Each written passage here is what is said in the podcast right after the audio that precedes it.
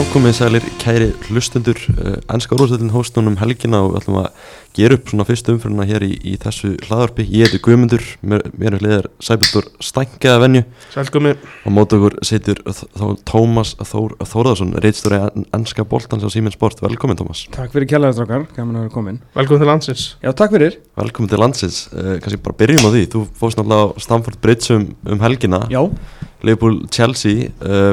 Bara þessi leikur, stórleikur umfyrirnar hvernig, hvernig var upplifun að vera, vera á staðin afsakið, e, það var bara rosalega gaman. Já, hérna, Það var hérna, mikil var mjög augljóslega mikil bjartsinni hérna, í, í, í lofti. Það er, veist, það er alltaf gaman eiginlega allstar við, við vorum með þess að sko, Selis Park í sko, fyrsta leiki í fyrra þegar við ræstum mótið hérna úti og, og þá meira þess að skilur svakalig stemning í palarsfólki, það er alltaf bjart sinni þú ert að fara inn í tímbil því að það náttúrulega eru nýjir draumar og nýjir vendingar og nýjir vonir áruna þeir rætast eða allt fyrir skrúna fyrir eftir með hverju þú heldur. Mm -hmm. en svona með Pochettino og þessum kaupum í sumar og náttúrulega búið að losa eins á leikmenn það var, það var alveg svakalig stemning hérna fyrir leik uh, þannig að það var svona, svona skemmtileg upplifun og síðan náttúrulega líka bara hörku skemmtilegu leikur kannski svolítið skrítin leikur að einhverju leiti en mjög skemmtilegur svona fram og tilbaka og, og svona tilþrif og mistök Bara því að það eru núna breytingar á í enska með hérna, uppbóðutíma og svona Ég heyri þið fyrir leika að þið voru vorast þetta stuttum uppbóðutíma í leiknum og undan Já. Hvernig er einn bara skipuleik þetta? Herru, ég sko ég bara fatta þetta ekki þráttur þetta á, á laugadaginn að við áttum flug hérna, með Íslandir klukkan þrjú eða ekki eða tvö eða eitthvað uh, þannig að við, ég fór í vinnuna á því morgunin og, og var svona eitthvað að klára að undirbúa og, og horfði þess að stá fyrirhállíkin í Arsenal Nottingham Forest sem að endaði náttúrulega bara í einhverjum 13 mínúndum eða Mhm. eitthvað og þá vorum við bara, herðu, wow, þetta er bara nýr raunveruleiki fyrir okkur, sko, af því við náttúrulega erum með síðan næsti leikur fyrir á staðkljóðan 2 náttúrulega vanlega er hálftíu á milli, en Mhm. við vorum bara, herðu, þetta er pluss þetta þú veist, þannig að við þurftum bara að fara í crisis mode, þú veist, hvað við ættum að gera við Everton Luton sem var aðaleikurinn, þannig að við ræstum hann á hérna, hann var alltaf sem betur fyrir á sjónvarpi Símans líka, því hann var, þú veist, í óbyrnindarská þannig að við höfðum, þú veist, outlet fyrir hann. Þannig að sko hlinur þurfti að fara sem var að fara að lýsa þeim leik þurfti að fara inn í lýsindekli og tvö til þess að byrja hann. Og ég var svo sem farin á hann að klára þess þannig að þú veist, ég byrjaði hann ekki svona nokkru myndu setna eða eitthvað, þú veist, á Byrja held ég að 50 sekundur eða eitthvað. Já, það var ekki verið það, já, ok, ok, ok. Þannig að, og þá held ég mér þess að klift út auðlýsingar, sko, sem maður alltaf ekki Já, segja, sko Þannig að það þarf einhver að hjálpa til við að borga þetta. Einmitt. Þannig að síðan alltaf gerist það líka og svo maður að það emma bara geta pælist, þetta er alltaf svo nýr veruleiki. Og svo náttúrulega er þessi uppbóðutími þarna, náttúrulega höfumislinn að svona viðkenn ekki að vera höfumisli eftir er ösnuðust til að senda hann aftur inn á. Og eru reyndar áhugavert að sjá hvað verður, hvort það verður eitthvað meira úr því. Og þá var bara, herðu, holy shit. Við erum bara það mættir hérna út og það bara stefnir ekkert prísjó en svo reddaðist þetta og við hérna, færðum eitthvað aðeins til í hérna, prógraminu og auðlýsingum og fengum nú alveg hérna eitthvað eitthvað 15 mínútur út af velli sem var nú ágætt. En þetta ég ætla, að Stress. vona, ég ætla að vona að þetta verði jafn fljótt að snar lækka í mínútum og þetta var nú að háum Mm. þetta tók nú valla meir en einu hálfa umferði rílakefni þar til þetta var nú orðið eðlilegt. Já, þetta var a- alltaf svona Þetta var ekki svona mikið í fyrriháleik alltaf Nei. Í minningunni, þetta var svona Nei. 7 kannski 8 í setni Já, Já. já sérstaklega þegar veist, kannski minni liðin voru að ná einhverjum úslitum og voru ekki alveg búin að graspa konseptið að dómarinn voru alltaf að benda á klukkun og segja sko þessu verðu bætt við, sáu þið ekki leikin áðan og í gær en mér finnst þér fljótir að ná þessu háum og minna, er ekki alveg rétt sem er svona eiginlega bara í, ís- eins og í útsláttakefni það voru ekkert að sjá svona, þetta var eiginlega bara bú Mm. þannig nema þú veist, það voru meðsli þá er ég nú er ég að tala um Já, já, tafir og svona fýblagang sko. akkurat algjörlega þannig nefndir aðeins þarna í útastættum á lögadalum með Eismar að fara með hann á Stamford Bridge veist, það getur verið svona smá kaos Mm. var eitthvað svoleiðis um helgina? ég ég bara sýndi ykkur myndband þetta hérna við náttúrulega vorum hérna við og, og Sky Sports vorum hvað lengst uh, í vinnunni og það var reynda mjög fyndið þegar hérna uh, þegar löpu við vorum að byggja eftir að hann Ernir Snær tökumar og, og producent var að taka hérna til hann setja allt í, í pakka og við gætum fyrir að rölda heim á leið að þá voru þess að Sky Sports kláru sem voru Daniel Sturridge, Megar Richards og, og Roy Keane og Dave Jones sem sagt head presenter á, á Sky sem koma þarna framhjá og hérna helsuðu náttúrulega eðið náttúrulega öllum með virtum sko. Svo kom Mæka og helsaði eði og eður hendi gott hérna you know you still owe me money. Og hann hló sko. En þá var það svona eitthvað, ég má örgulega ekki segja þessu sögu, ég ætla ekki að segja hann allar þetta sem snýst um hérna, þú veist, menn alltaf hafa verið að uh, skipta um húsnæði og svona því að menn hafa spilað fyrir sömu leiðin og eitthvað.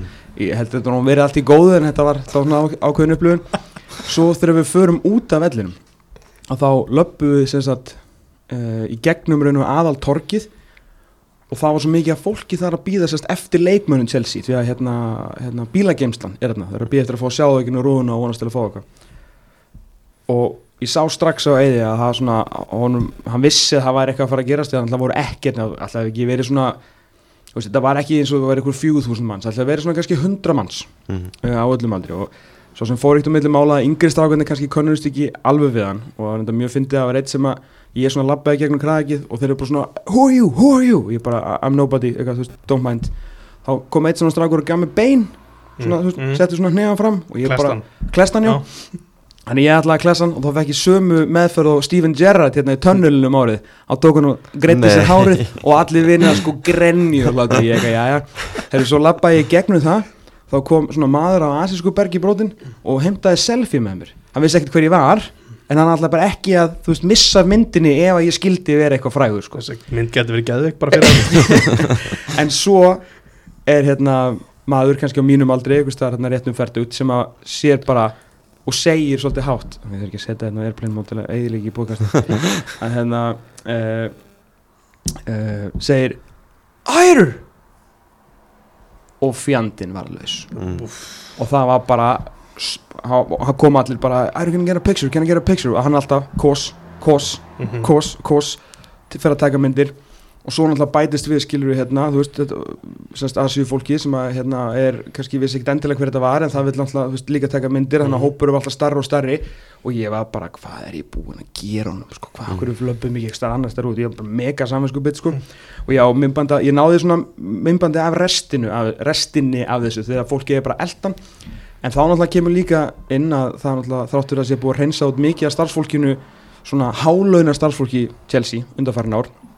að þá eru sjálfbóliðanir ennþá bara þeir sömu og voru þarna Mhm. og þá kom einn lítill og þéttvaksin örgisvörður svona kannski á að giska um 60 svona millir 50 og 60 sem að kannast nú heldur betur við sinn mann stökk bara inn í hópin og bara hefðu now you gotta let the man walk.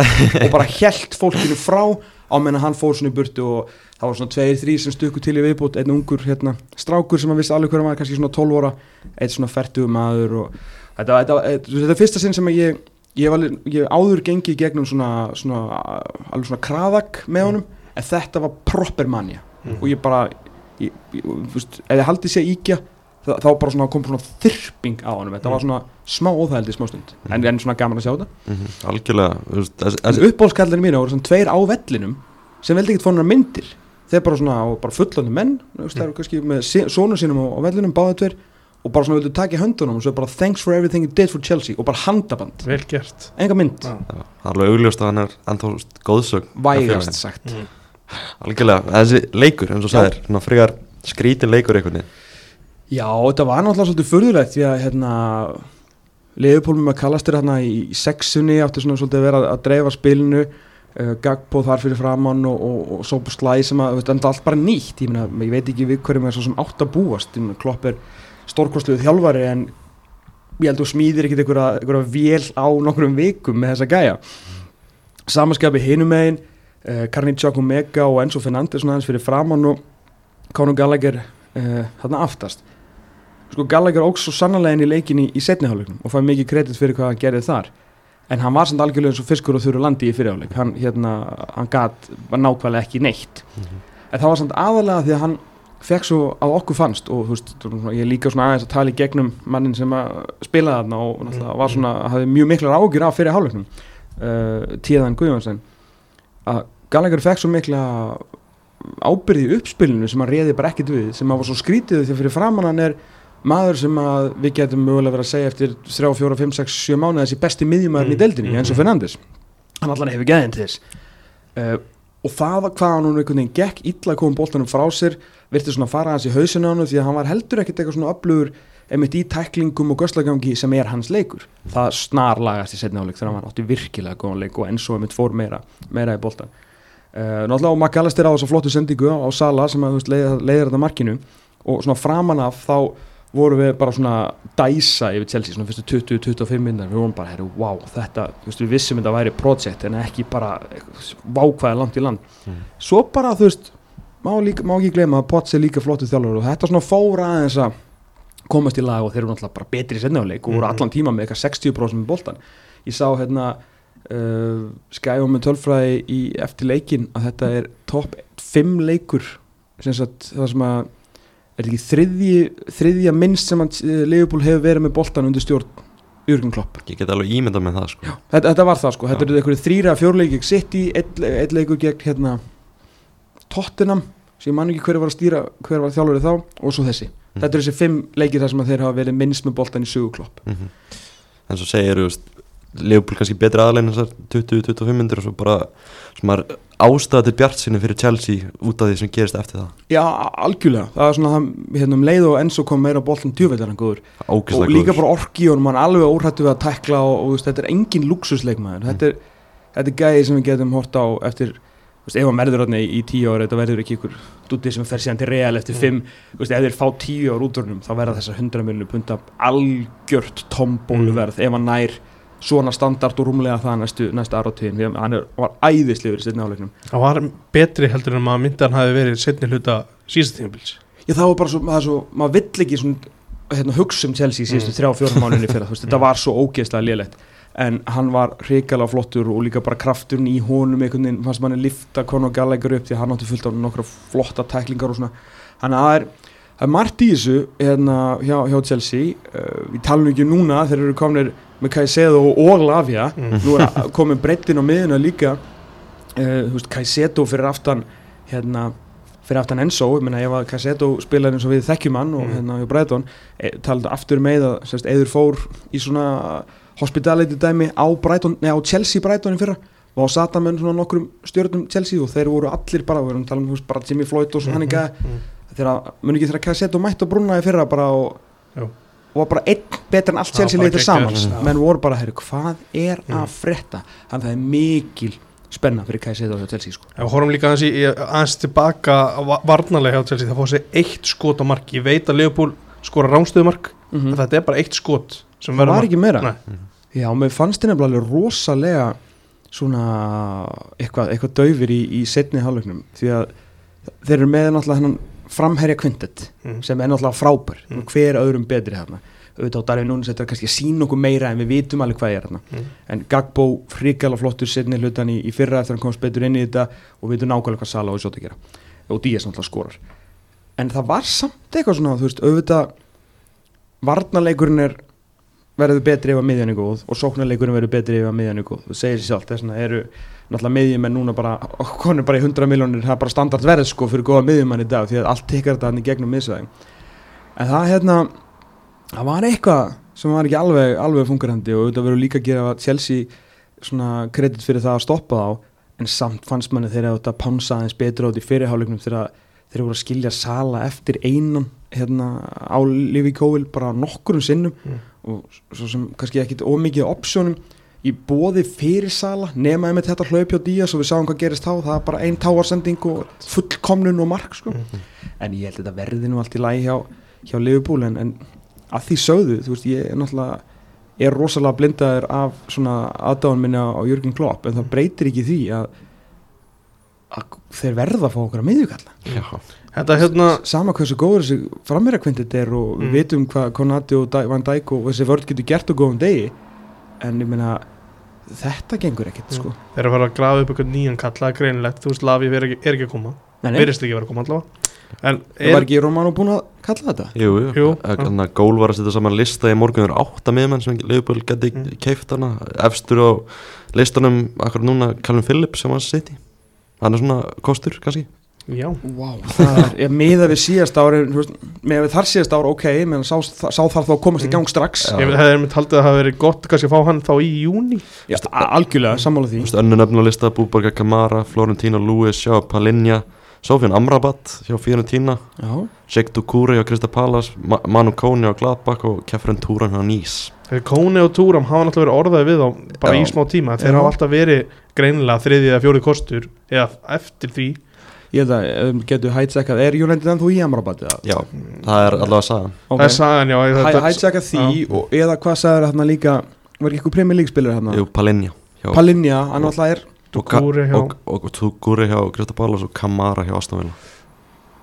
Kamara er mjög góður Palinja er bestur að þeim, er það ekki? Palinni er bestur en hann er kannski ekki hann er minnsta uppsætið í aldri Mhm. myndi ég halda og hann er einhver smá hérna vesinni með skrokkin á sér en hann er svona pjúra sópar og ef við myndum fá hann okkur um ágætis prís fúlam náttúrulega í einhverju svona einhverju smá krísu Mhm. þessa dana þá væri það ekkert amalegt en þeir verða að fá tvo hafa, hafa tvær vikur til stefnum til að klára þetta Já. og ekki líkt Liverpool að vera í neðaköp Nei. mannlega bara fáður þá sem er að byggja 77. Mér langar aðeins að stoppa þar Já. Tvöföld þess breytingir hjá Klopp Ég, ég var þetta eitthvað statement Þetta var ofbáslega skrítið Sala og Díaz út fyrir Ben Doak og Harvey Elliot hvað hérna spurði einhver út í skiptinguna veist, Ég var ekki með að sjá það sko. Ég bara náttúrulega Sala mjög pyrraður auglustlega alveg verulega pyrraður og þetta er ég sá bara það sem Roy Keane sagði um Sala bara sestu niður á, á þegju já, það er ól- ólíkt kín að segja það. Þægilegt teik bara. En, hérna, nei, það sem að ég held að, að 40.000 manns á brúnni hefði andað léttar sjá hann lappa út af, ég meina gæðin er búin að skora mest allra á opening day í premjör lík í sögunni uh, veist, samt er hann bara á hvað, sjötta eða sjönda tíma þetta er líka það sko að Sala fyrir að velli og Ben litli Dók kemur inn á í staðin fyrir hann sko. Einmitt og ekki alveg kannski beint reynslan hann að koma inn í svona leiki í fyrstu umferð þráttur hann verið komið inn í þetta með alveg gjölega fítómskrafti Bendog og Já, hann gefa hann það og Elliot átti nú nokkuð nokku fín múf en þetta var, ja, þetta var skrítið. Ég, ég bara er ekki með meira að teika á þetta heldur en þetta hafi verið skrítið og í stöðunni 1-1 í svona leik þá held ég að myndi gera sko 14 skiptingar á að myndi taka sala út af sko. Mhm. þó hann var meittur, hann var ekkert meittur En veist, kannski er eitthvað smá núningur hann kannski vill, er Sala búin að gefa skinn, ef að sáti dæmi er þá er ég onni í það sko. Maður veit ekkert hvað er að gerast. Nei, og svo er það, vegna er svo, það er svo margt sem gerist þarna á, á baku tjöldin í þessum, í þessum stóru liðum en ég held bara kannski var vestið að segja eitthvað því má ekki gleyma því að Mm. að eru menn hann með tölurna bara live og, og kannski var hann undir einhverju, einhverju striki og, kloppa alltaf að treysta á göstlagang til þess að búa til eitt færi fyrir Darvin Núnes, Mhm. skilur þannig að það er margt í, þessu en þetta var, var skrítið að sjá hann fara að núta og hann var eini maðurinn sem að tók hann í höndunum kloppa eða lappa hann fram hjá hann ég held að hann lappa fram með hann bara það mjög það að því heina skiptingarna voru alveg sko, hann tók alveg handabandið og famlaðið og, en ég held að hann er svo sem vita að það er engin hálfviti klopp sko, mm. hann Mhm. alveg vita að Sala var ekki klári í Mhm. eitthvað famlag við þessa skiptingu? Algjörlega. Er, er hvað síðasta atrið, er það hérna, hvað var atrið Já, með hérna opið? að vítaspinna, mögulega vítaspinna þannig að 50. og annar minni held ég. Það er, held að þessi hotspinna og Nicholas Jackson fær boltan í höndun eftir að Luis Díaz skallar að marki. Er ekki búið að segja þetta sér rétt? Ég meina er þetta ekki bara spurning um tilfinningu og reglur? Já, veist, mér finnst það vítið sko. mér finnst Mér það víti ég, held að öllum sem að horfa og ég held að strákandi mínu hefur báðir sagt vítið að allavega að Leifupól mætti vera mjög pyrrað Mm. En svo var hann er bara- Mér finnst hann bara að vera verja boltan sko. Já, hann, ég- hann, er, er- hann er einhvern veginn, hann er með hendunar aðeins fyrir fram að sig algjörlega sammálaður en ég held að hérna, hann var einn af þessum dómurum mætti hérna í sjónvarsútsendingu bara skömmu eftir og sagði að þetta væri bara hár rétt samkvæmt Mm. reglum hann að dómararnir gera allan rétt með yfir reglum sem þeir fara eftir en þetta er pjúra víti bara í mínum bókum sko. Það skiptir máli að boltin er klárlega að fara á marki eða skiptir það einhverjum máli en ekki, hann er alltaf on boltin Þú veist, Chelsea, Leopold á sens á boltanum ef að Jackson er ekki með ja, hendina algjörlega. Þess vegna finnst mér svo skrítið að, að þetta hafi ekki verið víti þetta var svo rosalega öðlust mm. Hvernig fannst þér Nicholas Jackson hans? herru, rosalega hrifin á honum eða svona, þú veist, hrifin af svona hreyfingunum og, og múmendunum ég hef ekki séð hann mjög lítið eða ekki neitt. Mm. tjekka aðeins á, á hérna YouTube-klippunum bara svona aðeins til að fá feelingi fyrir honum. Langar bara svona að sjá, tvæð þar mínútur ári myndi sjá hann svona pjúra live það er náttúrulega, getur verið allt annað að sjá menn live. Hann hérna sko, YouTube-klippunum er þetta er, er verið að spila hann eins og Messi þegar hann er bara þú veist að vippiðu menn og eitthvað og hérna, en síðan er hann alls ekki þar. Ég skil líkinguna við Didi Drogba uh, bara út af svona stærðinni og hvernig hann þú spilar svolítið með skilur raskati í mannin og það er ekki, ekki sjens að komast fram fyrir hann. Svakalega fljótur þessi sprettur hann í lokin þráttur hann hafi alltaf sjálfsögðu átt að gefa á Múdrik fyrir löngu og fara síðan bara inn í teig mögulega það frekar skapa mark. En það er alltaf gaman á svona stórum sterkum, stæðilegum framhyrjum uh, við erum alltaf spjöldum að Ben Chilwell eftir leik og ég var að spurja hann út í hann og hann svona bara var að dása mann hvað hann væri öflugur. En síðan þegar þú kemur hann í tegin þá verður það samt að hafa meira svona svona finess, Mm. þú verður að aðeins að anda frá þér og, og geta klára því að færi sem að klúra hann í fyrirháleik sem að, veist, ég fyrir ekki öllum að klúra einn og einn og Alisson þú veist, þú ert í raun og verið í svona 3% chance ef þú kemst einn og einn á móti Alisson sko. en þá færi í fyrirháleik þegar hann alveg langt, langt yfir hitt ekki einu svona markið öruglega taugar veist, hann, það er ekkit einhver risa feril sem hann á að baki stórt svið, Chelsea, Liverpool veist, það er allir á vellinum skilur en ég gefa hann alveg kredit, ég held ef hann næra aðeins að draga veist, ef hann næra að blása frá sér í tegnum aðeins að róa sig, komast á svona betra tempo í faranum, að að nýjan sem að Chelsea er búin að búið að býða eftir. Mhm. því líkt skrimsli. Mjög spennandi leikmaður. Ótrúlega spennandi og töff nafn líka. Nicholas Jackson. Sem er Jackson á bakinu sko.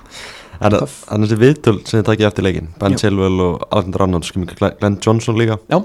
Hvernig bara eru þessir gæðir, eru miklir stjórnustölar nei, alls ekki. Uh, það er rosalega það er rosalega hérna, það er engin sendur þarna út. Er náttúrulega menn eru í viðtölum inni og svo það er náttúrulega getur alveg verið að happa klappa hvað gerist þarna, þarna úti. Það var uh, það er prógram sem heitir Match the Live sem er á Premier League sjónvarsásinni sem við pössum okkur alltaf að, að tilla okkur við hliðina því að það er oftast koma leikmenn eða þeir koma uh, sem betur fyrir var Sky Sports og NBC semst NBC kemur svona þreis og til fjóru svona ári koma oftast í byrjun taka jólaleik svo koma þeir alltaf í lokaumferðina og kannski einn á milli Það væga sagt að svona smá munur og production þar. Mm. listin hjá þeim á accreditationinu, þú veist, það er Simin Sport, það er Tómas Bjarni, Eður og Ernir.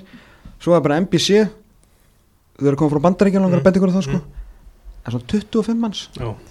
þú veist, þeir eru bara að koma sko tveir frá bandaríkjum til að bera borðið þeirra. Mm. það er alveg fólk á Englandi sem getur borið borð það er ekkert mál okkur til að byggja verðtaka en þetta er alltaf bara alveg Pótusson þannig að hérna, það hjálpa okkur að fá, við erum alltaf aldrei fengið tvo áður. Það var alltaf hrikalega skemmt þetta að fá frá báðum liðum. En það hjálpaði alltaf að við vorum sérst, fjó, fjóra sjónvastöðurinn úti, aðri bara inn í þessum Mhm. venjulegu vittilum uh, þetta er, nei, þeir, það er engin sendur út nema skilur að það sé svona gæði sem er til í að hérna, við fengum náttúrulega fengið veist, Andy Robertson, held ég tvis var þetta algjört indi, Harry Kane kom til okkar. Henderson. Henderson alltaf alveg æðislegur eitt besta vittal sem við hefum tekið. Aðalega því að media managerin hjá Liverpool glemdi sér held ég í Candy Crush eða eitthvað og bara stoppa okkur, ég var alltaf að horfa á hann að að þeir standa sko eftir svona tveið þrjá spurningar kannski fjóra eða eru stuttar að þá fara að gefa merkjum þetta búið. Mm. en hann bara, ég veist, hann var bara að texta konuna eitthvað. Og við fengum bara frá fimm mínútur, hann glemdi sér algjörlega, það var æðislegt. Og hérna, hann var algjörlega frábær og hann að þetta er, eins og segið, það er ekkit svona þannig, og að, líka þessi með þetta menn eru það miklu proffar að ef þeir fara út og vita að þetta eru 2-3 vitul, þetta eru 10 mínútur í lífi þeirra, ekkit mál. Mhm. En bara áður við förum kannski úr þessum leik Þannig að þessi mikla saga með Moises Cassetto keftur á 115 miljonir punta dýrasti leikmaður í sögu ennsku úrstildarinnar hann á eitt svona proper tífambil ok, kannski, það er kannski að gera svolítið lítið úr sögur ameríska fótballtanum sem hann var. Var ótrúlega mikilvæg fyrir sittlið þar skemmtileg saga sem hann er dregin tilbaka úr einhverju 20 ára verkefni á Mm. sín tíma til þess að koma og spila í Copa Libertadores sko, því að þjálfarinn varða notan þannig að hann verið átján ára eða eitthvað Mm. þannig að hann er búin að vera mjög góður mjög lengi og því ekta svona Brighton sæn auðvitað, þú veist, fann Brighton þú veist hennan gæða Og þetta er Brighton að fá 115 miljonir punta fyrir hann hvað kiftu þér ná? Heldur fjórar held ég Jesus Christ Liðan satt úti er að fá okkur að 25 23 miljonir punta Já, já. Þeir, Ha? Ég las sko að þeir eru að fara að byggja eitthvað svona sportcenter Já. og alltaf skýra því höfuð á Cassetto eðlilega. Þetta er bara sponsor, þetta er bara græja það og rúmlega sko. Svo er að talandu það, er búin að sjá hérna hvað Chelsea er búin að borga Brighton og þeir eru sko nánast búin að borga upp endurbætingarnar á Amersvellinum Mm. bara fyrir Chelsea peningin Já, ég, herriði, Jó, Jó Már tala um það í Dr. Fútbol að Chelsea ætti bara að fara að kaupa veist, Þetta er Graham Potter, Mark Kukureya Það var það bara sem varlið Moises Cassetto, þetta er bara þetta er, þeir eru búin að borga einhverjar Já, sko, þeir tóku náttúrulega Potter og staffið Já, pluss einhverja fimmleikminn þeir eru með yfirmann fótboltamála sem Já, ég já. heldur sér eru ekki búin að reka Jú, jú, jú. Já, þetta er, er stóru skrítið sko. Já. Þetta er einhver 230 miljón punta og þeir eru bara komnir með peningin fyrir hérna, endurbætunum á Amex Það er rosalegt. ekki bara Potter sagt er, Það er einhver annar þetta sem græja all kaupin Það virðist vera Ég sá gæðin alltaf í njúkvæslu í dag sko, Já, er já, næskóft akkurat. En er, er þetta góð kaup fyrir Chelsea? Fór náttúrulega líka Romeo Lavia Þessi gæ- gæjar eru báður að velja Chelsea yfir Liverpool veist, Þeir eru náttúrulega að velja herri laun í lang, lengri tíma Já, já, sko, akkurat. veitu, þú veist, ef þú ert að og pjúra fótboltasensi held ég myndi nú alltaf velja Liverpool eins og staðan hefur verið ég- undanferðin ár en þetta er London, þetta er Chelsea ef þú ert að velja 7-8 ára samninga á herrulun mm. -hmm. ég held að það sé svona í grunninn málið sko Er ekki að þú veist Pottet inn í þessu er svona appearances Þú veist uh, leikir spilaðir Þá hækkar launin yfir þessi ár Það lítur að vera þannig Jú líka, var ekki, ekki hvað segðu að halda þig fram hann sé Chelsea maður eða? Jú, það er náttúrulega kynningamöbbandi er náttúrulega hann með mömmu sinni Já, og að göm, gömul mynda þeim auðvitað og- spila það inn í Mm. líka sko, þetta er náttúrulega svo skrítið því að minna, hvað er nú, hann er dýrasti leikmaður sögunar í Premier League Mhm. hann á eitt tíumbil og reyndar heimsmyndstrakeppni Mhm. góða heimsmyndstrakeppni að baki samt eitt tíumbil, 115 miljonir Já.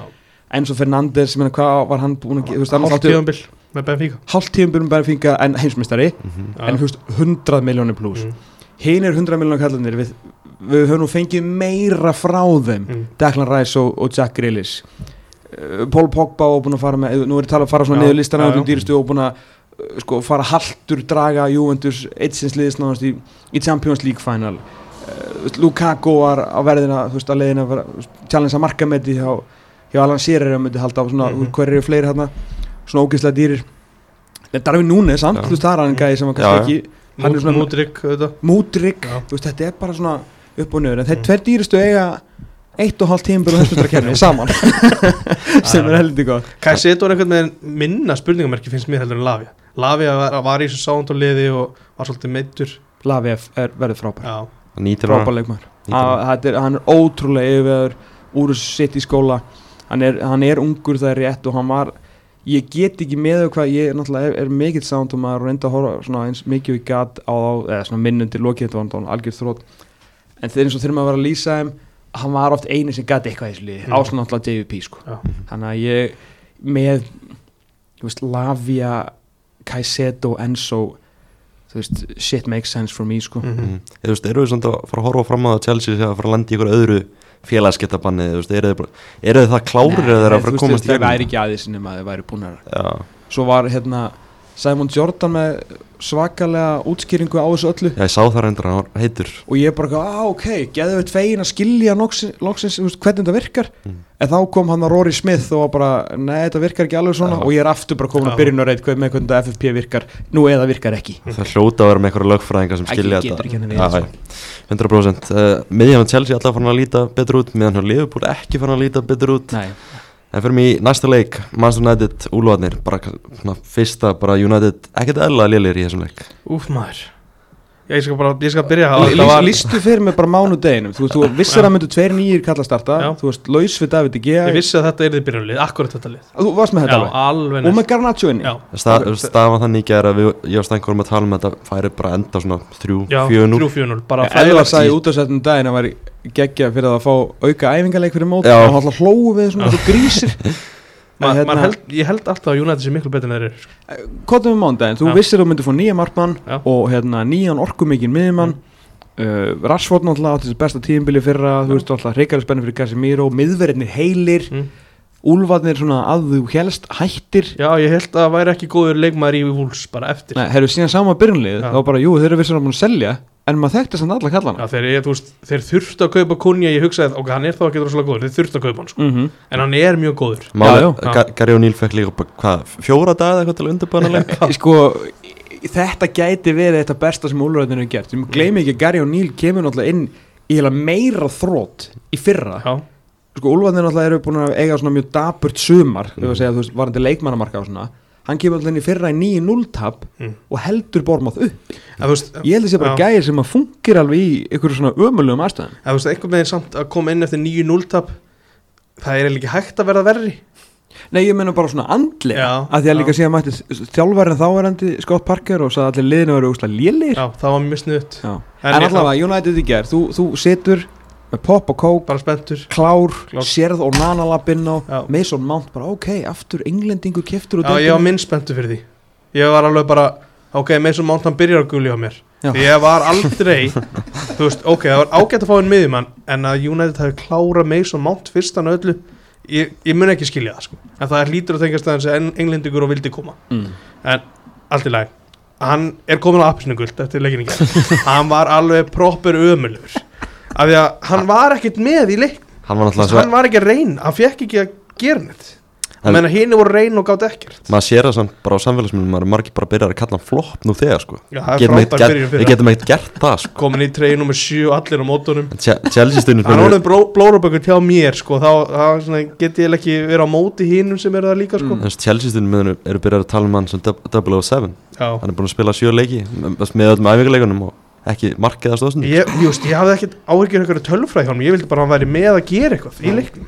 Hann var bara hlaupandun um eitthvað, flottur. Að eina sem hann gerði gott var þú veist, án bolta sko. Já, mér finnst best bara þegar hann fór út af.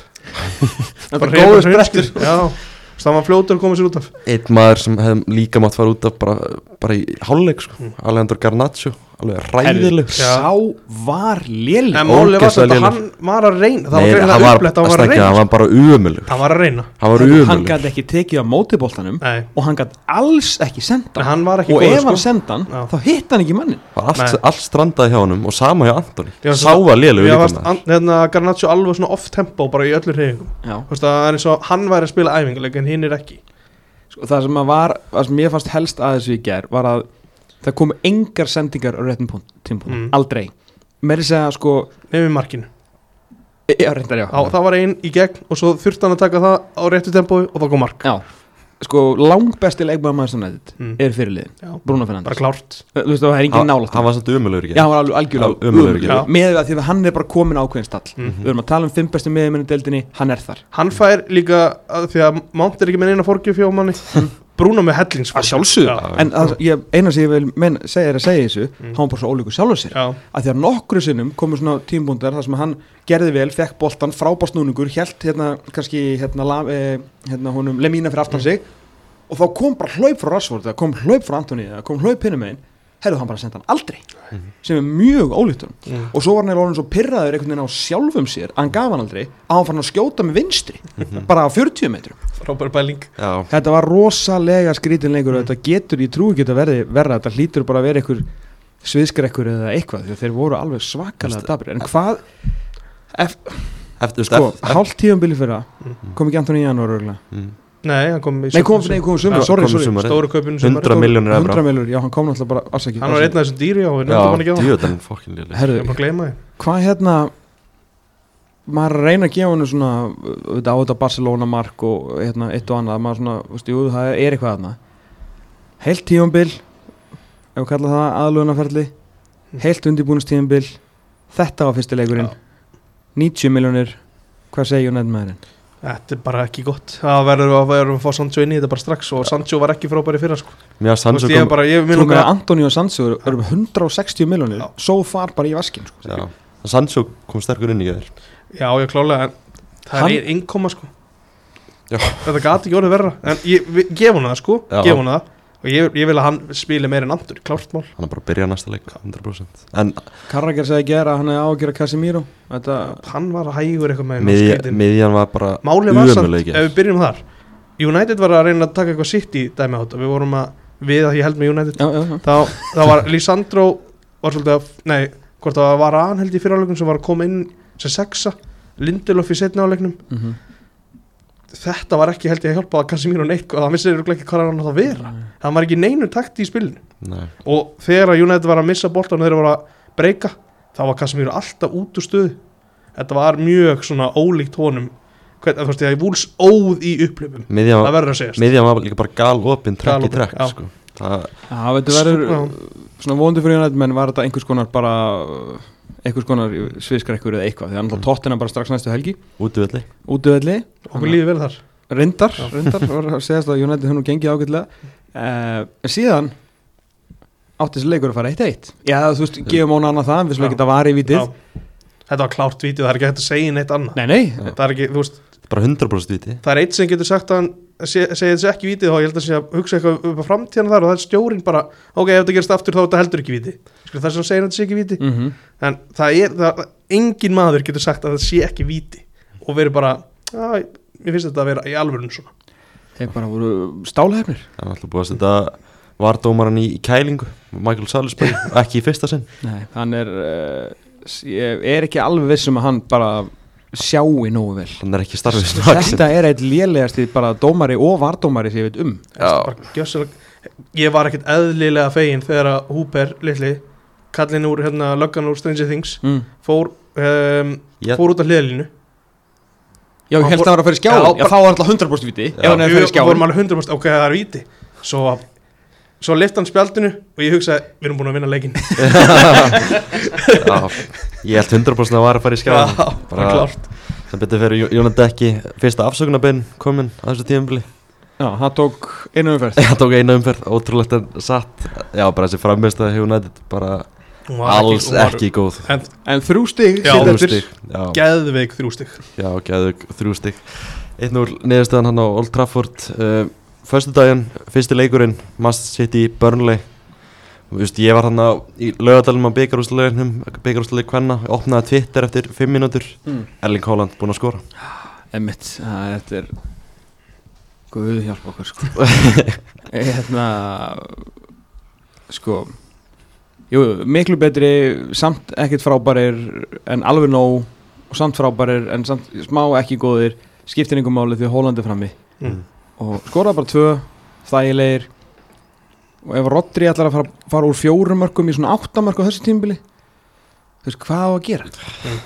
Nú er svona einhvað hérna, og bara gætu að verið sattir já, törnulegtir, 30 myndur Mm. ok, ekki sattir nú er þetta spurningin hvað gera þær án Kevin De Bruyne, þú veist, þeir hafa áður staðið sem mjög vel án hans, en nú er án, án segir maður að því hann er farin það er engin Gundogan og engin hérna, Kevin De Bruyne, þannig að þú veist Bernardo Silva og Kovacic, er það ekki svona doppel tíunar, doppel áttar núna? Jú, Jú, ekki, jú, Silva að klála já, Ég veit ekki hvað hver eru með honum.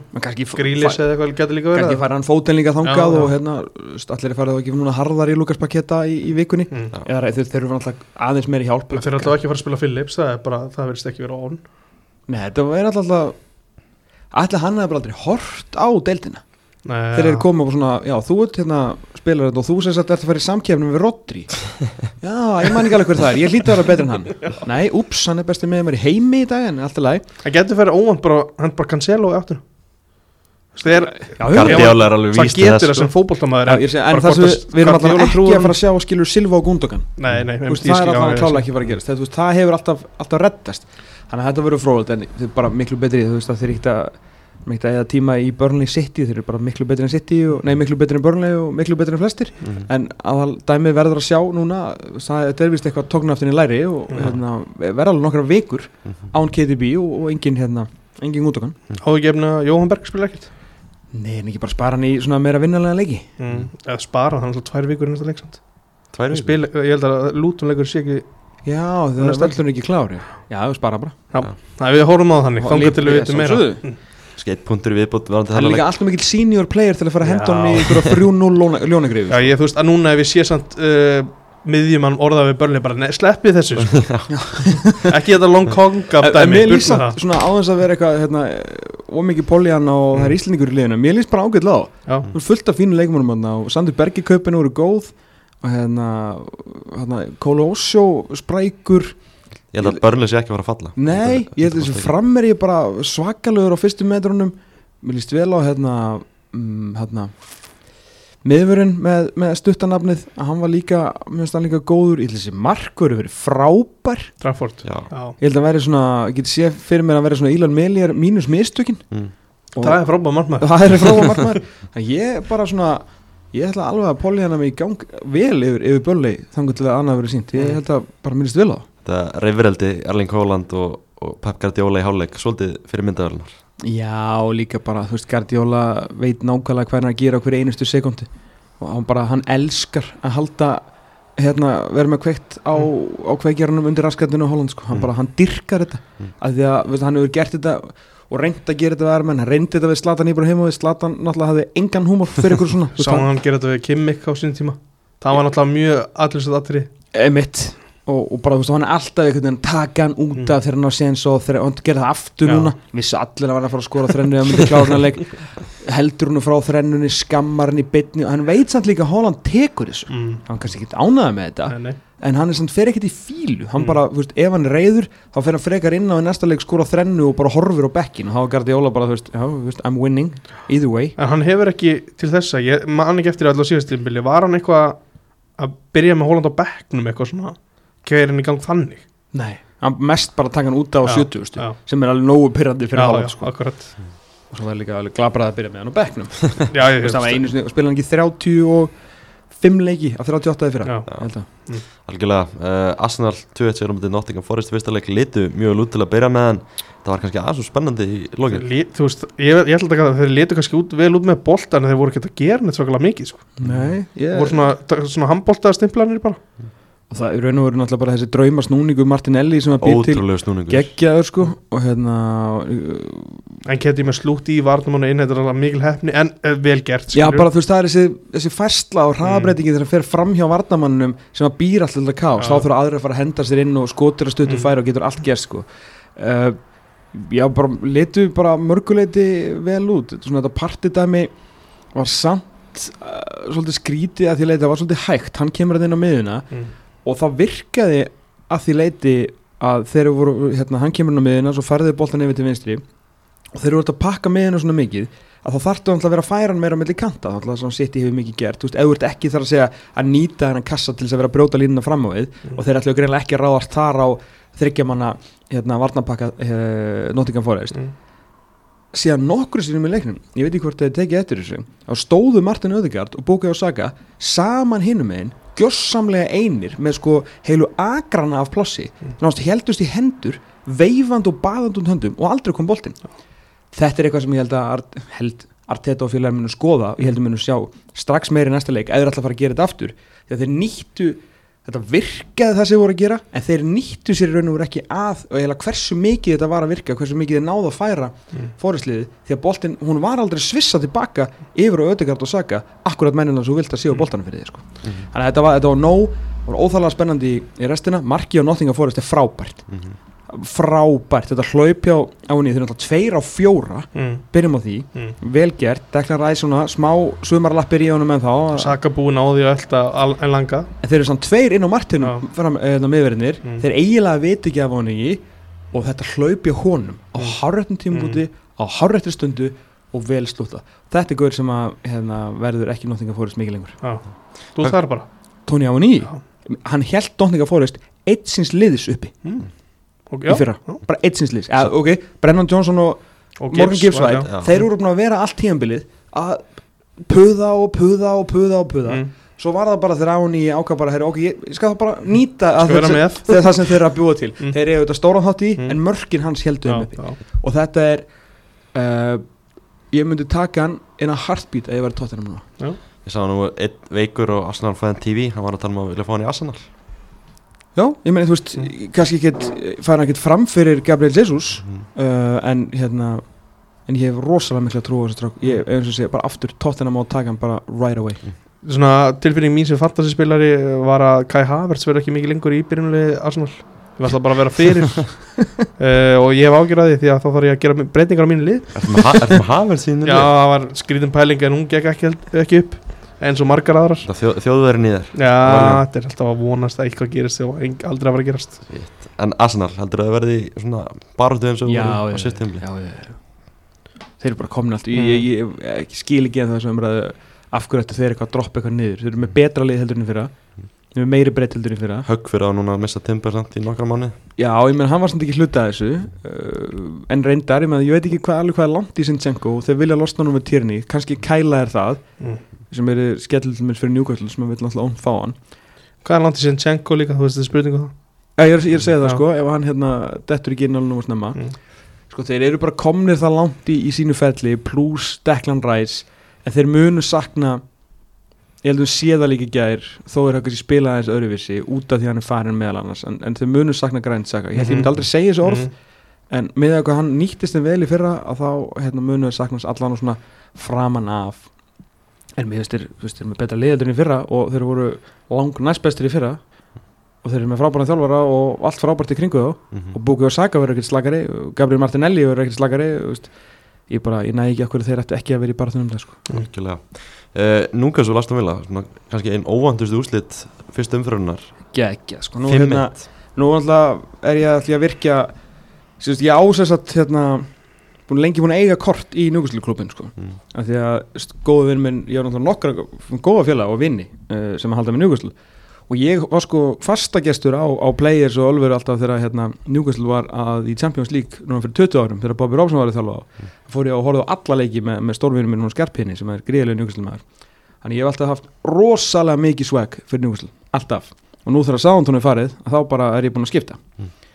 þannig að við Newcastle menn Varst alltaf í Sáðantón klubnum með já ég hef búin að hérna, svona, halda leintuljós með vel bara síðan ég aðið badminton uh, þegar ég var bara 14-15 ára því að Mm. Árni Þór Hallgrímsson þjálfur með þar og alltaf mikið hérna samantóma Já. Kóngurinn. og hérna kongurinn og hérna var náttúrulega mikill tissir með svona framan af og náttúrulega elskaði James Ward Prowse núna. Þannig að alltaf haft mikið svæði fyrir þeim og, og svona til vara með njúkvæslu þetta var alltaf bara framist að helgarinnar. Já, það er ekkit flókið. Þeir áttu 13 skot á mark. Heyrðu, þeir bara hérna Það er bíla mikið sko það er orðin svona eitthvað, svona eitthvað nýtt hobby og nýtt svona áhámáli raun og veru ný, ný þjóðar íþrótt knasputna áhámanna er að efast um Newcastle og Eddie Howe hvað þarf hann að gera meira fyrir ykkur? Ég efaðist, ég við ekki hana Ég efaðist, en þetta er fyrsti leikur sko En ég held að mistra þetta álægi verði.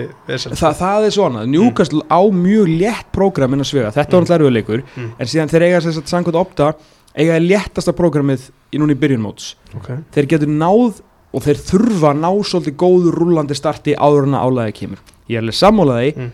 að fá bara tvo leikmenn so far, finnst mér of lítið en þegar þeir stilla upp Holy Moly mm. og í Holy Moly sko þá kemur, koma Callum Wilson og Harvey Barnes mm af bekknum -hmm. þá eru þeir í, í ljómandi góðum málum sko. Mhm.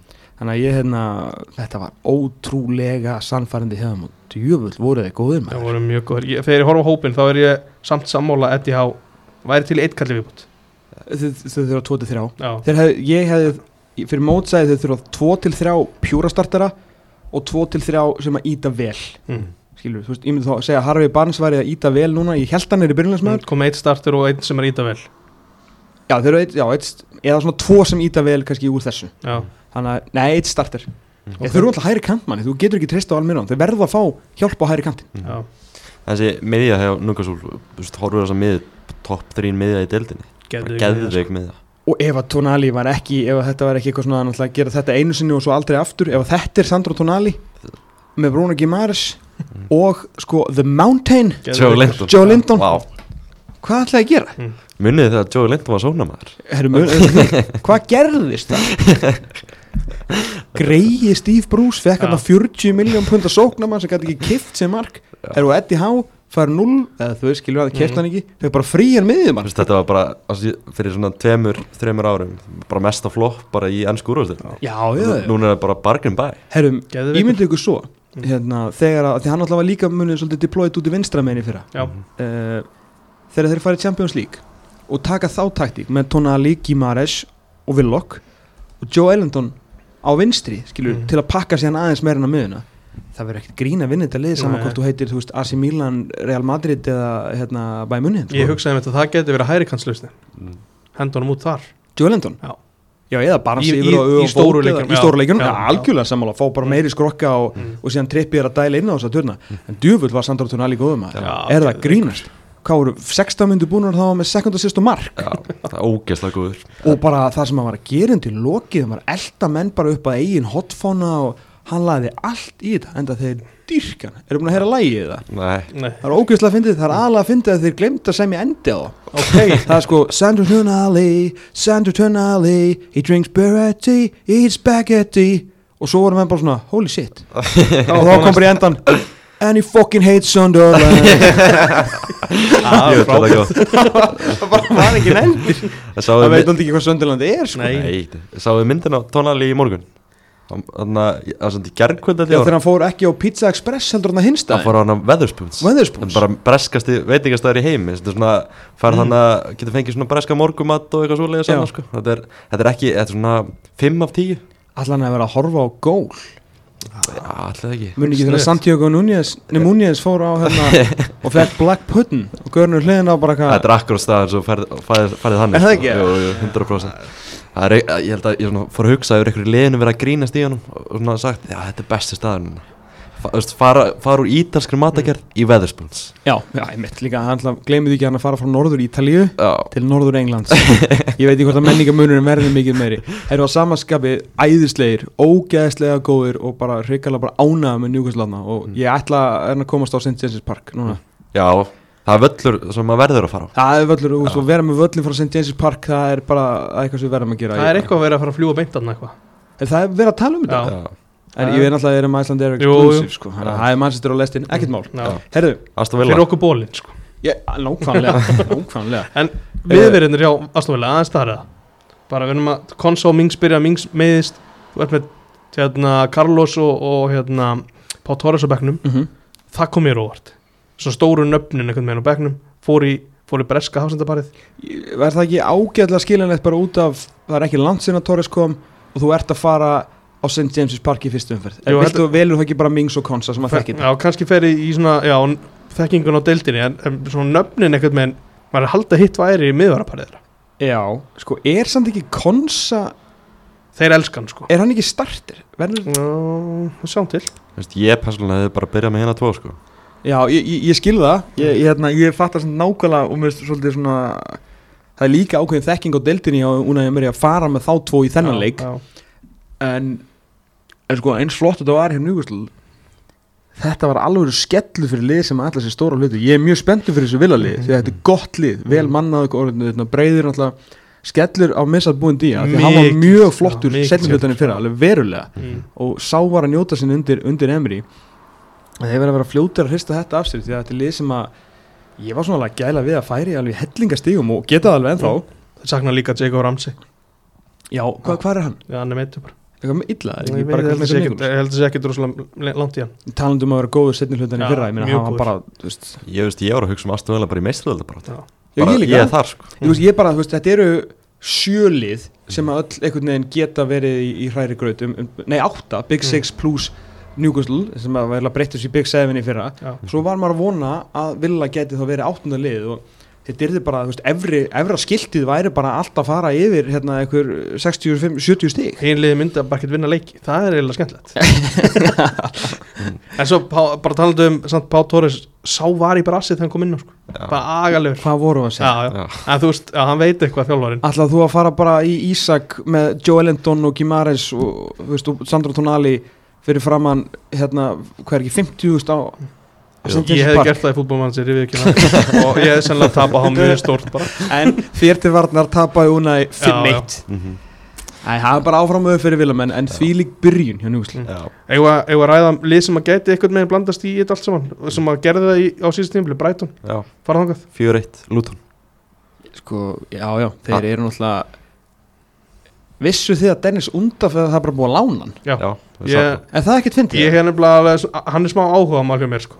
þannig ég vissi að hann væri fann ég er bara svona, því ég var bara að skoða hvað hann komni farnir Mm. ég var ekkert svo sem búin að liggja yfir Brighton Mm. og var svona að renna bara, já, ok, búin aðeins búin að bæta í hérna, já, ok, flott hjá til Serbi og svona, úslitir inn í samme séri, spyrir hver eru svo farnir, já, veist náttúrulega hvað var að Mhm. byrju var hann ekki bara, þú veist leikmaður mæmánar hann gerði alveg bara hluti í síðust tímpil sko. líka þeir eru alveg búin að vera að missa menn og svona en Mm. þeir eru bara svo vel spilandi mm. þeir eru ekki búin að vera að missa úr samt fremstu línu svona, Nei, nei, nei, nei, það þú veist, enda voru hvað var mikið búið að leiknum þegar Solli og Mitoma voru bara báðir Já. mættir hérna að gera hluti Mm. Svo, svo er það bara komið með nýjan gæja Simon Adingra sem er hjá, ég ætla að sjá, hjá Akka hjá Stellar hann er alltaf, Ah, alltaf að týstum hann Já. sko. hann geti kassað inn á honum bara er sko. næsta sala þeir vonaði að selja hann eitthvað annað þá fá þeir auðvitað fullt af peningum. Emmitt og hérna en það var reyndar, ef við fyrir maður í það mark en Pensu og hvað hann heitir hérna það var, það var, eitthvað, það var alvöru mistök. Ég veit ekki hvað hann var að gera. Svo, svo, ég held hann hafi bara glimt í smá stund að það væri leikur. Já, já, held að- hvað ætlaði hann að gera? Þetta var stórfurðulegt þetta er svona, þú veist, ég skili lík tvö að einhver tveggja metra ensku framherri býðir svona, veist, hann nennir ekki svona nálaðt markinu. Mm. en Brighton pressaði sko alveg upp í raskat. Já, bara í Já. þannig að þetta, ég held að þetta var svona alvöru learning curve fyrir okkar menn í Luton. Mm. algjörlega. Uh, ég las að Brighton séu svona vonast eftir að Evan Ferguson verður næsti 100 miljón punda maðurinn hérna já, kemst hann í liðið? Já, Nei, þú veist, hann á að vera þar en kemst hann inn í þetta starting 11 Veist- af hverju byrja hann ekki þennan leik þá? Hver á frammi eftir? Pedro Já, Sjá Pedro og hann Velbeck er bara Dan, gaur sem að Danny Welbeck á frammi sko. getur bara alltaf verið frammi sko. já. Já, Velbeck á frammi og sjá Petru aðeins að vinna í kringum Já. hann já, sko. já, já, já Já, þú meinar Ég var náttúrulega alltaf með henni í mínu liði Já, ég er Og- sammála. Og ég er að vona því mér finnst það skemmtilegasti með hann að fá Hann smá geggjaður, svona sko. smá hæð og Mm. og ég veit að Velbeck er stór en svona fyrir svona eða smá unit mm. Já. kannski var að hugsa að Luton það er barningur það var Velbeck Mm. Þeir hafa allan að möguleika Mm. og svo bara you can't go wrong með Mitoma og minn mann Solomon Benjamin. Já. þarna sikur með einn sko og sjá Petro alltaf verið frábæri þetta er svo skemmtilegt lið á að horfa maður. Er þetta ekki að grína svo ertu með alltaf með Pascal Gross þetta er ekki eitthvað mest spennandi gæðin en hann er alltaf hann Já, og alltaf góður. Já, bara leikmaður. Alltaf 7 að 10 Vákvæði pikkuð hann bara einhvers staðar frá Þýskalandi sko. Þeir eru náttúrulega, ég, sko málið er eins og hva- hverju hérna kefti Asworth eða Croft, Ascroft kefti hann að Simon að dingra hvernig, veist, er hann búin að vera Nei, hérna Nei, held að að hann nýr, komin sko. bara síðasta sumar og þú veist ekki, þú veist komið að þeir eru alltaf nokkri það er ekki allir sem vita að sumi leikmenn sem er að detta þarna inn Já. eru búin að vera í eigu þeir alveg 2-3 Já. ár Hann sko. kom síðasta sumar og fór svo láni aftur og hefur núna komið aftur úr láni Já, það er hann gæti að vera hann ennþá samt Ég veit ekki hvernig hann til að sjá þegar að semst, næsta kynnslóð eftir Dan Ashcroft auðvitað hann Já. svaka teimi og það er ekkert allir úr teiminu farnir en hann er vantilega gæðin sem Mm. segir já og nei Mhm. þannig að hérna svona næsta kynnslóð núna brætonleikmanna undir stjórn sem snýs yfirmars knæspilmála því að ég meina það sem að Dan Ashcroft var að gera var alltaf því líki peningar sem Mm. er búin að redda þeim sko. Mhm. þannig að eh, já Þetta, en þú veist, þeir bara, maður bjóst ekkert kannski við miklu frá Luton í, í þessum leik sko, ég held að þeir svona býðir svona eftir fyrsta heimaleg Á sem, er sem er reyndar ekki um næstu helgi. Nei, svo er ekki þriðja, þriðja umferðin hjá þeim. Er sem þá annar leikur þeirra. Er það ekki Friday Night Under the Lights á brunni eða? Kaiseto og Enzo. Úps. Þú er ertu eitthvað inn í því af hverju eru Luton ekki bara að spila eitthvað annan leik um næstu helgi? Nei, ég, þetta, mér finnst svolítið skrítið að ég held að Mm. menn ætla að gera allt hvað þeir gátu til þess að reyna að halda mótunu mm. steddi í, náttúrulega í fyrra áttu við að fá fyrsta eðla tímbil okkar, Já. alveg við erum náttúrulega búin að lenda í COVID Mm. og hérna í öllu þessu og hérna án stunismanna og allt búið að gera síðan við tókum við þessu, Leifupól með þess að vandeildina sko. að hérna uh, fyrsti íslenski réttaðin sem ná, gerði Leifupólamestur sko. Mm. að hérna uh, þar sem ég vildi sagt að svo áttu bara að vera loksins venlega tímbil, það eru stunismenn vissulega HM var svona aðeins að kannski riðla þess að ekkert mikið Nei, þannig, nei. það bara kom pása en þá náttúrulega dó beta já, okkar besta mm. og það voru svo margir leikið þar að við vorum fræðin að spila leiki úr áttundum fer í april sko. þannig að nú var maður bara ok að nú vissulega það skára að fresta tveimur leikjum heldur en 22 Já, þannig að vantilega verður þetta bara komið á klárt en af hverju er, já kannski bara Það þú er- eru búin að draga í töflur þá bara Mm. dreifur töflur sko. Já, Ég veit það ekki. Uh, Ég bara hratt Bornmoth gerir eitt í dætt Vestam sem er loksins farið að kaupa leikmann Eftir að hafa selt Declan Rice.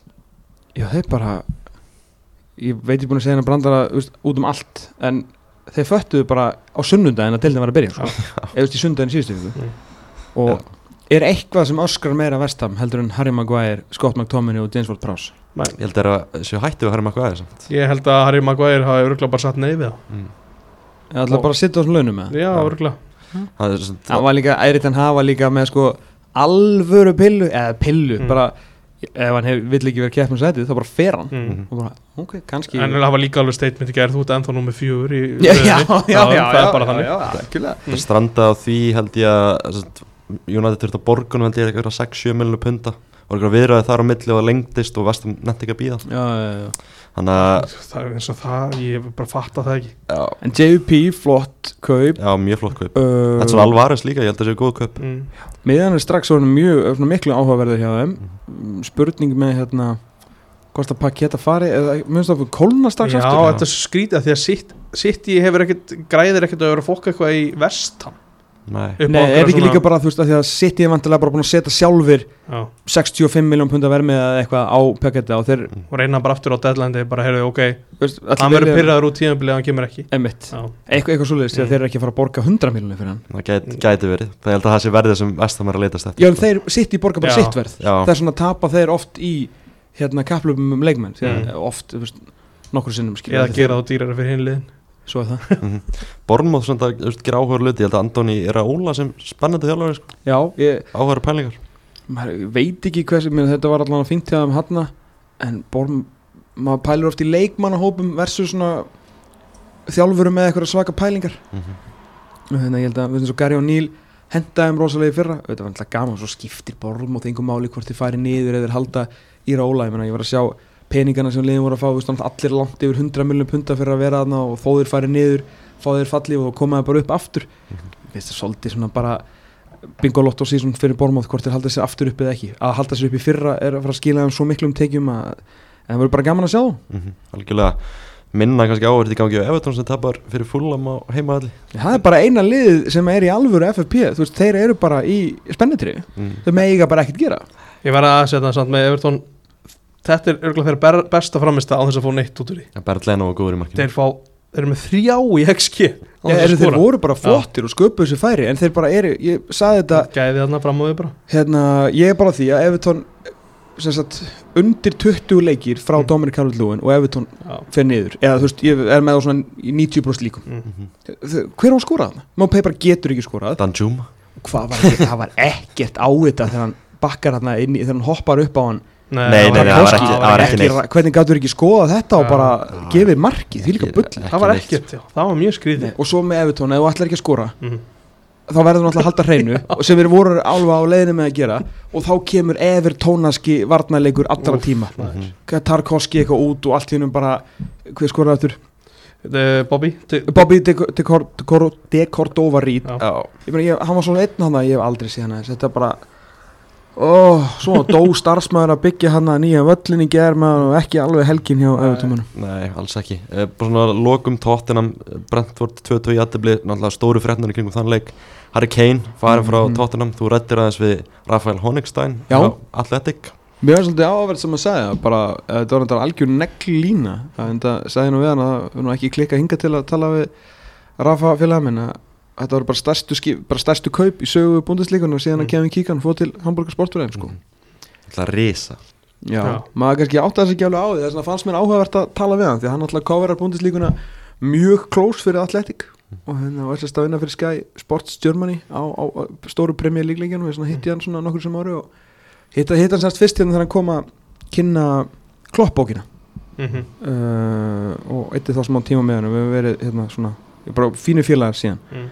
Spilum mikið saman uh, uh, þetta var svona maður átti þess ekki að það var gaman að fá þetta perspektíf þetta var bara starra það var bara starstu félagskipt í sögu búndistíkunar og Mm. make alveg sens, ég meina þetta er náttúrulega Harry Kane Mm. en maður svona, það er, myndi við ekki það englendingur eitthvað, veginn, var það stærsta það var, Mm. það var svolítið áhugavert Mm. en já, auðvitað Rich Ellison komið þá hann fram í staðin en þeir fórum bara mörg frá, frá varnamennunum uh, ég hérna það var náttúrulega skrítið með Kristján Romero og þeir náttúrulega passa sig á því að taka ekki concussion skiptingu eftir Já. hann skorar þú er erfitt að lítur- að þú ert, hann hafi verið með það held hann ekki alveg vita hvaða mánadag Nei. væri hann þegar hann skoraði markið en vel gert samt. Mhm. ég, hérna, mér var smart fínt í þessu tóttanlegi fyrir utan náttúrulega svona fyrir utan frumrununa hjá nýja Harry Kane Richarlison já, ég veit ekki er alveg málið, sko. þetta er gæði með sko markið auðvitað leik fyrir brasilíska landslið Já. það eru mörk í þessu manni Mhm. en það, hann hlýtur að finna fjölsina hann var það bara ekki líklegur Nei, nei, það er enda rétt sér En hann var náttúrulega á G-Tech samfélagsvellinum sko. Það er ekki hver sem er sem skora þar nei, nei voru, voru ekki Brentford bara yfir bet góðir bara áttu skil, alveg skilja punktin sko. Alveg Brentford Já. Og bara ólíkt þeim í raun og vera að fá þessi tvö mörk á, á heimavelli Vel gert á tóttinum í raun og vera að tróða því einhvern veginn inn Og það, er tvennt sem þarf að gerast eh, Hérna Já, eitt aðalega sem þarf að gerast eh, er að frammeirarnir, þá náttúrulega Vissa og, og hérna, Mbueno þurfa saman eins og í Moneyball create even Tony in the aggregate Mm. reyna saman að ná einhverju markafjölda hans eiginlega Já. plus mm. þetta er líka vera að skora á pari við sjálf þeir tveir raun og veru þurfa að vera þeir tveir plus Tony að því að Kevin Sjati er ekki búin að skora held ég á æfingu síðan að mætti til Brentford Nei, maður bara, þetta er, þetta er vandræðilegt að horfa á þetta þetta, obligation to buy hjá ennsku félagunum stundum er svo skrítið sko. þeir þurftu að kaupa Já, veit, en það er líka þegar þeir Brentford kaupir náttúrulega engan en við viti hvað er að gera. Já, hann samt hefur ekki skorað á æfingu. Nei, nei, svo er það, ég held að þessi fyrsti leikmæn þar sem þeir eru bara svona bank í tölvuna bara, bara, bara er þetta eitthvað bilað? söndu við alvörunni svona? Uh, hérna, ég er líka að horfa á byrjunlegar bara ég veit að þetta er ekkert ólíkt liðin sem var í fyrra. Þetta er samalið já þú veist það vantar á Tony sem er stór- stjarnan Já, já, ok, Þetta- það er reyndar, hérna, það er hún með, það er með nýjan, það var nýr markvörur já, og hérna nýr miðvörur ekki, Nathan Collins var jú, hann Colin sem að er sem er samt gæti hafa spilað fyrir Brentford í tíu ár sko. já, já, Þetta- já þetta, veist bara að því að horfa á liðið þetta er bara þetta getur, lið, þetta getur verið lið sem var efst í championship. Mm. Fyrir mér sko. Já, en síðan er þetta bara top half lið Já, bara, flottið sko, gott plan sem er í gangi Ég elska þetta lið það er skrítið samt að sjá tóttina mán Harry Kane, það er alveg klart mál Já, já, það, það er það. Og það er líka skrítið að tóttina með Oliver Skip í byrjunliðinu Já. uh, Skipar hann. Hann er skoraði tvö í æfinguleik samt við verðum að halda um minni Hérna, Hauberg, verður hann farin fyrir lók Það getur verið. Ágúst hann var ekki hann var á já, ekki verið mikið hann inn í þessu hjá, hjá Ans Postikoglu mm. ég var fegin að sjá minn mann James Mattisson byrja svona vel. Hann var flottur. Já. og mér langar rosalega að hann hérna hann standi sig. Því að það var náttúrulega glæpur að hann ekki fengið sæti í HM-vélinni í fyrra. Það er enginn sem hefur gert meira á þess að fá ég að blíti fyrir það og hann gerði fyrir lestir fyrir hluta tímbils hann var algjörlega sturlaður sko. En byrja endaði hann ekki með að fara Var það ekki? nei, var það nokkuð? Jú, hann fór, Nei, hann spilaði ekki neitt Nei, sko. hann spila ekki nú fór hann, sorry, Já, sorry, já. sorry, sorry ég var bara eitthvað með það Ég held að það hafi verið, hann var einn af síðustu sem var, Hann var bara valinn 27. maður eftir þessum hóp sko. já, að JVP sem var skilin eftir og Já, já, já. Já, ok, en hann var allan að, þú veist, hann er ótrúlega góður Ég hef samt efast um svona leiðtóa hæfileikans uh, Sérstaklega á þessu setni hluta hann og líka hæfileika hans að halda sér heilum En þegar hann spila svona þá getur hann hjálpa hverjum sem er og en þeir verða alltaf á mark Sonn alltaf verða að fara í gang Mm. Kuliseski verða að fara að vakna aftur og Richarlison verður að skora Þú veistu, þetta, Þeir get ekki treyst frá mörk frá Kristján Romero í hverjum leik Mhm. Na- Nei. Uh, to, svona, to wrap it up einhvern veginn uh, Það vil ekki hafa það mikið lengra um, Krista Páls vinnur bara sangjata sig á móti Sheffield United Mhm. Sheffield fellur Ég er eiginlega bara 100% Já. að því uh, Töluðum lítið um Onana Markmann er bara framustuðuna heilt yfir hjá Já, United. Flott Á, bara allt annað að sjá Markmann sem fer aðeins út í teg og grípur bolta og stoppar sóknir sko. Já, og uppspilið flott og al- minn síðasti punktur er Nottingham Forest var með talsvægt herra XG heldur en Arsenal. Þannig að það sem ég talaði um stimplunni fyrir áleik ég var ekki að grínast neitt með það, þeir voru ekki að gera neitt með boltan sko. Nei, og talandi um annan og annan, nú er hann eitthvað orðað mikið Andrei, nei, Amadou Amadou, mm. hjá Everton sem ég held að geti alveg hjálpa, er mikil vel í honum. Já, klárlega. Geti hjálpa United, eh, engin spurning. Uh, hérna, Mason á bekkin uh, já, byrju hvað meira to wrap it up, hvað var hérna, við vorum að tala um Tottenham? Já, eh, talandi um Chelsea er ekki hættir, Mhm. þeir ætla að ná í Ólisei, wow maður. Það er, eh, það er alveg sæning, en samt, það er sitt líka, þeir hafa hort í hann sko. Já, sitt ég líka að sko. Já, ég held Það að getur myndi verið henda þeim en sko málið er, ég skil ekki hvað er ætla að gera við til þess að fara allaleg tilbaka í Chelsea leikin mm. Alltaf það sem að eitt sá leikmann sem ég kom mest spenntast fyrir er Míhal Múturík en ég veit ekki hvað hann á að vera í þessu 3-5-2 kerfi eða Bara þrí... inn, af- inn fyrir Störling Já. Störling getur Nei, ekki þú, að þú hefur ekkert við Míhal Múturík að gera þú ætlar ekki að hafa hann át væt og nýta hraðan. Mm. Já, já Þannig, Seti- að, hérna, en svo þarf ekkert að vera náttúrulega að vera í þessu kerfi alltaf kannski var þetta bara út af liðbúl þryggja hafsætta kerfi hljómar ekki eins og plani hjá pokkið þínu finnst mér sko. Nei, ég held ekki, Já. en hann hefur alveg notað þetta Mm. og þannig að við sjá, sjáum hvað verður Mm. en, en já, Óli segir náttúrulega, Óli segir miklu meiri leikmaður sem að getur spilað þarna undir framirunum heldur en, heldur en Mútrík finnst mér sko, Mm. allan Mútrík nýtist mér meira svona út, út á vagnum þannig að veist, Óli segir ef að þeir myndu bæta honum við líka þá er Chelsea bara orðið alvöru top 4 contender rúmlega það mm. En kannski loka spurning Tóm, er þetta í fantasy? eða? Já. Hvernig gekk, ég veist um verð uh, herðu, sko, ég hef aldrei verið neitt mikið fantasy spilari Finnst ég ekki heldur. Ég en það er út af því að ég er bara með ómikið einhvern veginn svona ADD til þess að ráða við þetta. Gummi var með Rashford sem fyrirlega Já, ég klikkaði þar. Herðu, Illa. Mm. Shit. Ég hérna semst, ég byrjaði núna aftur svona ætla að reyna að halda þessu gangandi. Mm.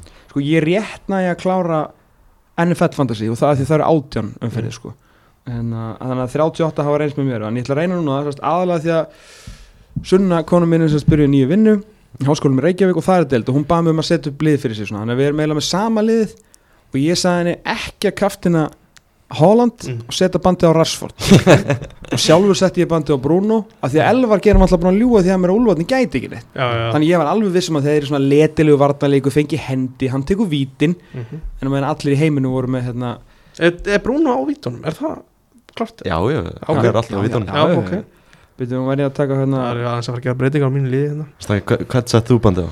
ég, mm, ég hugsaði svona að það væri skynsalegt að hafa það á Holland. Æ, það er svona akkurat ein ákvörðu sem ég tók rétt í þessari umfyrir points 60, það er ekki mjög liðlega það? Ég var í, ég held ég, 68, 67 eða eitthvað. Ég veit ekki hvað um Það best, að besta sem ég gerði í fyrstum fyrir var að taka Bennett Leno í markið. Ég var mjög pyrraður þegar Brighton fekk víti á sig því að það hafði áhrif á mitt fantasy-lið. Já, mér fannst Sko, það ekki vera víti ef ég hefði kraftina Haaland þá fyrir að bæta við 13 sem er þá 73 mínus 3 sem ég fekk fyrir dobbulið á Bruno þannig að það væri ég með 70 já.